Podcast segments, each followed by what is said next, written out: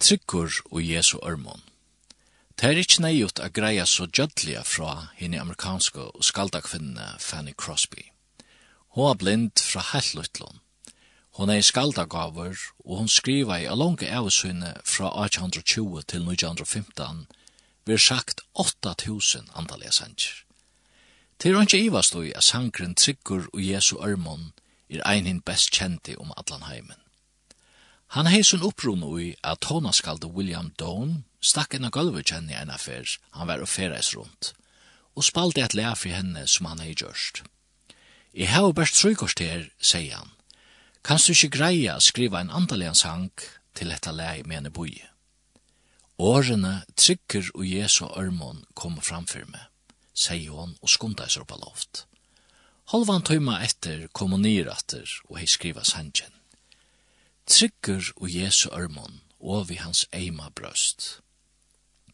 Her finner Salmon kvilo, her vir myskur just. Latter om for William Doan av sted av Sanchinon, og sujane er i hese hjertali år færre vi sikning om landene. Nekv hever veri skriva om henta sang, og mengar grypande søver kunde veri sagt, men her skulle vi bæst nema vi eina. Og vi finnst i versfrøyngren Nordenberg, godtakande greie fra ur finske russiske vetrakrunnen 1939 til 40. Vi djevo honom åre. Ta i krutje byrjaje fekk jeg et arbeidar mykje starv i herre Mannerheims. Og medan jeg var her, komar fire ein hin løgnasta og mest underfodle hending i løvmunnen. Vi kringsettu ein boi som russar hadde tidsje og skrikte han verlegan ur hånden av reia herren. Det var en rævlig tui, og mannfattelig var størst. Jeg fikk avbyrdna ansa etter en bøltje av fengon. Tjei av hesson fengon var deadømter og skulle være skottner og i solarenning nasta manamorgon. Sånne dagen som tar skulle være avrattar morgenen etter, for ikkje genga framar så langt som i livet. Tar tjei deadømte hilde til i tjallarnon, og einon allmennon bygningi. Og i öllum gongon stod menn munir við løddon skådvåpnon. Luften var fyllt av hætse. Hermennir munir var heldur erspnir av sikrnon tar ut vunne, og dod ikkje anna enn a leta fengane merskja til og arga av der. Sommer fengar banna og så rævlig etla, du gav vi blås åra av håndon mot fongsilsmuren. Ære røpte etter konon og bøtnon som var så lengt, lengt bortre, og morgen etter skulle der atler skje dodja. Vel hadde vi vunnet syren, men som henda mananotten lai, tyktes det ikkje så ekvile tuttningar mykje langer. Knapplig hendte naga ovanta. Ein av dem deia dømte for a sinja. Han er for en sveker, det og iver mennesker okkon i hugsa. Men langt åren hettar, hei lagt til merkist at hese mævren kvørstje hei øssi opp, etla banna støvene enn så hinner. Kvirrer og holier hei han side og i sessesynum. Ongen hei tala til hans herra. Ein og kvør hei no mykj vissa sjolv. Og fyrstne var sanker hans herra veiker, men rødden harnaie og var tryggare, inntil han sank naturliga og så hardt som han orskaie. Hine fengane vente seg mot sankaren Her undra størlige om te og i forfram. Men koskinen sjolver syns det var kom og jesse. Han sang henda vekra sangen, trykker og jesu ørmon, og vi hans eima brøst. Han sang sangen at enda, og tøy han var livor, fatt fullkomen tøgn i rume og i flere minutter. Ta spurte ein av henne fengnon, hvem hevd han da sangen? At du kanska gjer okkon religiøsar du en ebbekatter. Koskenen hukte at fellowun søgnon, og ei hansar var fyllt av tarron. Så sværa han stilleslia og sottlia. Felajar, vil jeg til lort et mer nekra minutter. Til spyrja meg kvi han i hevi henda sanchen. Jeg finnk han fra frelsnar herren. Jeg hørte han her medan vi var kringsetter. Og i byrjan flent i eisne, og tog kundi ikke riste av meg, til amerskan som sankrna i gjørstam. Og ta ut her omanslet at dilja kva god hei gjørst fyrir okkon, så vil jeg nu frukt åpe vittna for tikkon, at god hei tidsi mot mer og fyrir mer moina sindr. Tan god som mamma moin greit fra, er nu eisne våren god moin. Jeg do ikkje a greia ut i æser kvose det hente, men jeg veit at det av sånnen er hent. Seinas nått men jeg la i andvøkre, var i samførd rom at mer tørva i frelseren. Ja, at jeg måtte få samband vi han. Jeg får bia ens og rånsmæren av krossen hon, og Jesus bøn hørte meg og Mikle nøye sin. Han har frelst meg og utstrika sintmøyna, så nå nøydes meg ikke stora for det, jeg skulle trøyna framfor god, hånden som i kjøtt skal møte. Senaste natt har vært en underlig natt for meg. Stunden var alt klart og gjøst rundt om meg. Biblivers som er lengst siden jeg glemt, og Ørendjørs holmabog og sangbok kom klart fram for meg. De bor om er en båskap om hinn krossfesta frelseren og blåe som reinsar fra allar sind. De mynte meg om himmelve heime, som Jesus i færen er til reier. Jeg dog ikke takk hon til fullnar, for at han var kunna i mer, og så gjerne hetta hent, jovar alla tøyina og hjärsta munnen. Tryggur og Jesu ørmon og vi hans eima brøst. Jeg kan ikke ha det for meg sjølva langer.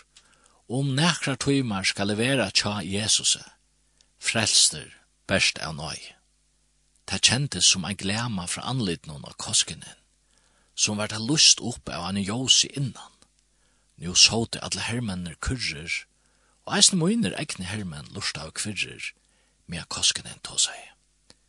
Tu hever ratt, koskenen, breit knappli eina felavan hans her av tøkna. Bæra er visste at nøye er a finna for meg eisne. Men hesar hender er blådolkajar. Jeg hava spotta god og trampa negv som er heilat under føtter. Men nu er komi inn og viskum og at eit helvete er til, og at jeg er oppebore å koma her.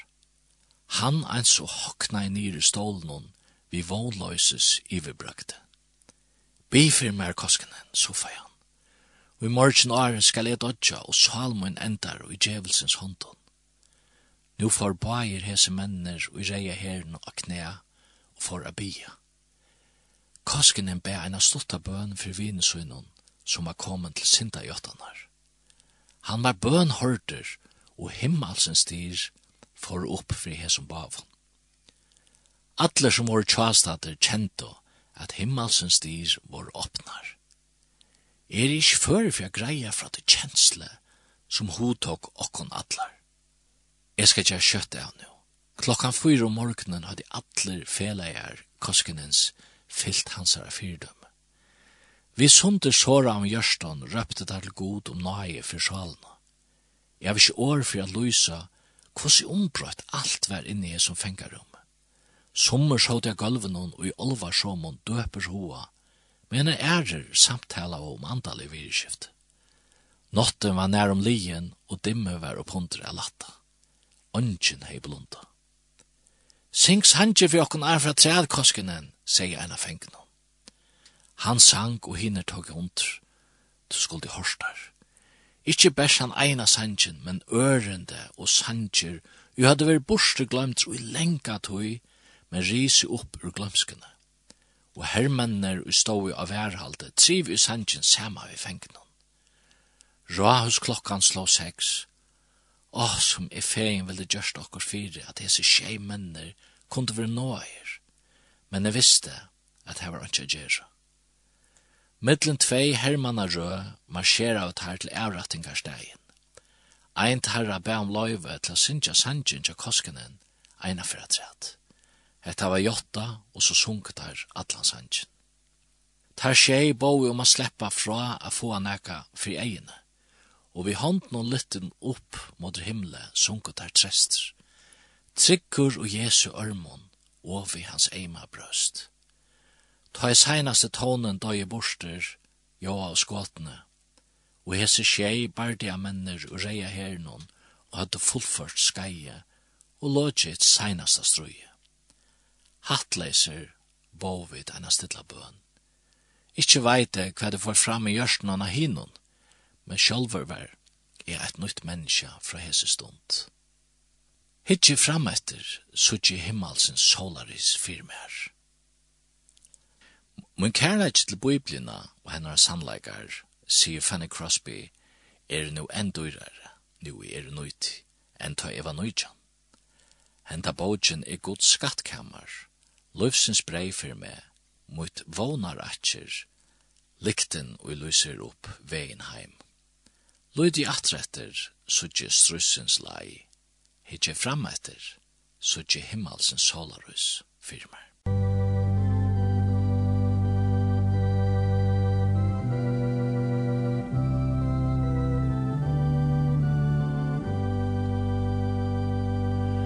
Tryggur Jesu armun, og vi hans eima brød,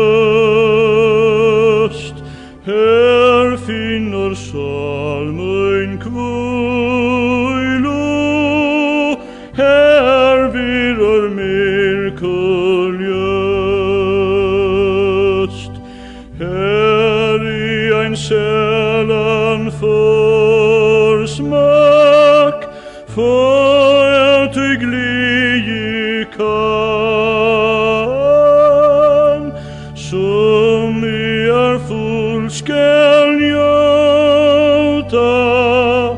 Tøy suttje han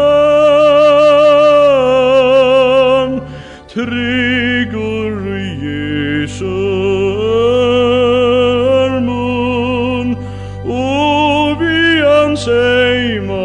brød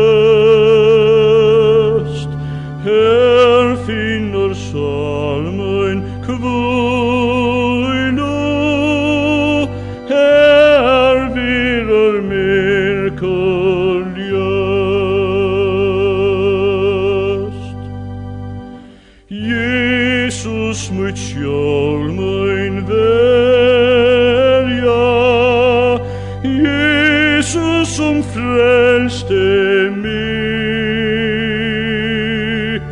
Og ter du klætter faste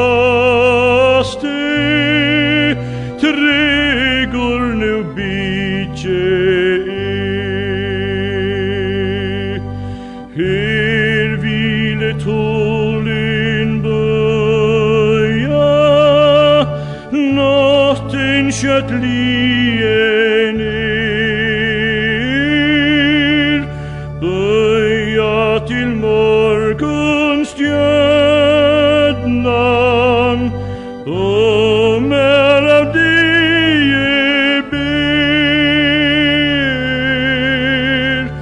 Jesus mot sjálmun verja.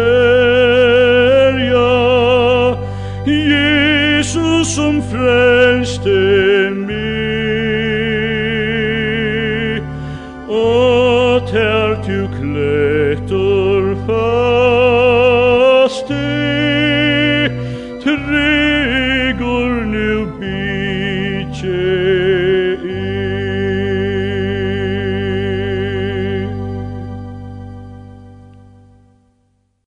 her har vi vekra sannsyn trykker og Jesu Ørmån vi inngår og regne, og dette er en fantastisk søve om henne sannsyn, og det er nekvar imiske hendinger i samband vi henne sannsyn trykker og Jesu Ørmån. men henta var så tidsen ur bøtjene søver om sannsyn, og det var Høgne Haberg Hansen som les.